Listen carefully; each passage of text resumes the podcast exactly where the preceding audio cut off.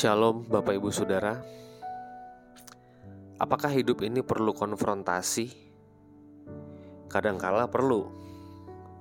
Tidak enak? Iya. Dalam hal ini, bangsa Israel adalah umat perjanjian Allah.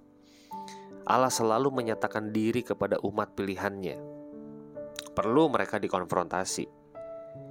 Pikiran sepuluh suku Israel adalah pikiran yang ingin meninggalkan Tuhan Coba perhatikan ayat berikut dari satu Raja-Raja 18 ayat 21. Lalu Elia mendekati seluruh rakyat itu dan berkata, Berapa lama lagi kamu berlaku timpang dan bercabang hati? Kalau Tuhan itu Allah, ikutilah dia. Dan kalau Baal, ikutilah dia. Tetapi rakyat tidak menjawabnya sepatah kata pun. Diem aja. Mari kita renungkan, apakah gereja juga suka beralih hati? Apakah kita bisa setia dengan tambatan hati kita, yaitu Tuhan? Kebangunan rohani yang terjadi tidak berlangsung terus-menerus, padahal ada teologi yang kuat, petobat-petobat baru yang segar, kehidupan umat yang saleh, Siapa yang bisa tebak tanah Eropa yang dipengaruhi Luther dan Reformasi bisa-bisanya memproduksi Hitler dan Holocaust? Setiap generasi membutuhkan Injil Kristus. Manusia pada dasarnya makhluk berdosa. Gereja bisa saja hanya berusia 2 sampai 3 generasi, Suka kemudian punah. Kita tidak boleh tenang-tenang saja dan merasa kehidupan gerejawi sudah baik dan kita mendapat kemenangan. No, kita tidak melihat yang Yesus lihat. Ladang sudah menguning. Hati-hati dengan hidup yang nyaman dan meninabobokan. Saudara perhatikan peristiwa di Gunung Karmel. Satu nabi melawan 850 nabi. Yahweh melawan Baal. Baal sering digambarkan sebagai dewa api. Elia menyiapkan panggung sebenarnya untuk dewa api ini menunjukkan performanya. Bandingkan apa yang dilakukan Nabi Baal dan Nabi Elia. Ayat 28 Nabi Baal. Maka mereka memanggil lebih keras serta menoreh-noreh dirinya dengan pedang dan tombak seperti kebiasaan mereka sehingga darah bercucuran dari tubuh mereka.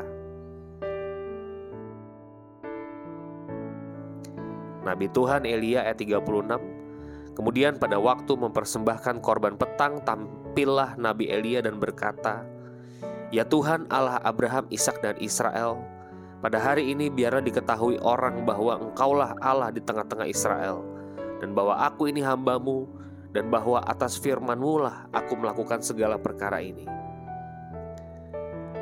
Kemudian api Tuhan turun menyambar, apa kata Israel? Ayat yang ke-39 Ketika seluruh rakyat melihat kejadian itu, sujudlah mereka serta berkata, "Tuhan, Dialah Allah! Tuhan, Dialah Allah!" Apakah kejadian ini merubah hati Israel?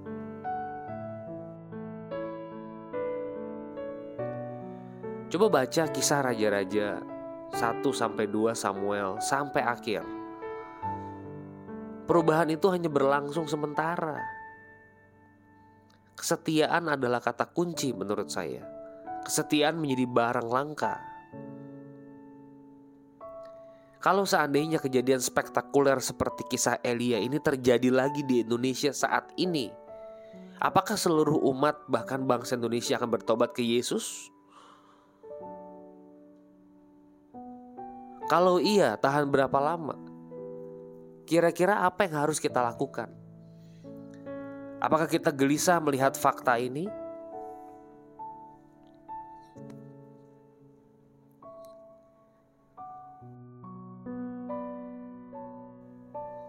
Bapa tolong kami untuk berpegang teguh kepada Engkau.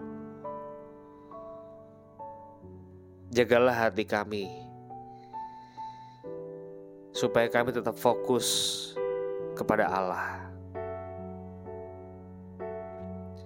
Jangan biarkan kami menjadi batu sandungan buat orang lain.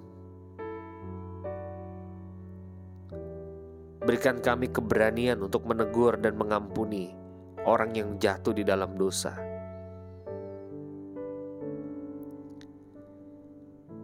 Bapa Sorgawi, berbelas kasihanlah kepada gerejamu. Berbelas kasihanlah kepada dunia ini. Di dalam nama, di atas segala nama, Tuhan Yesus Kristus kami naikkan doa ini. Amin.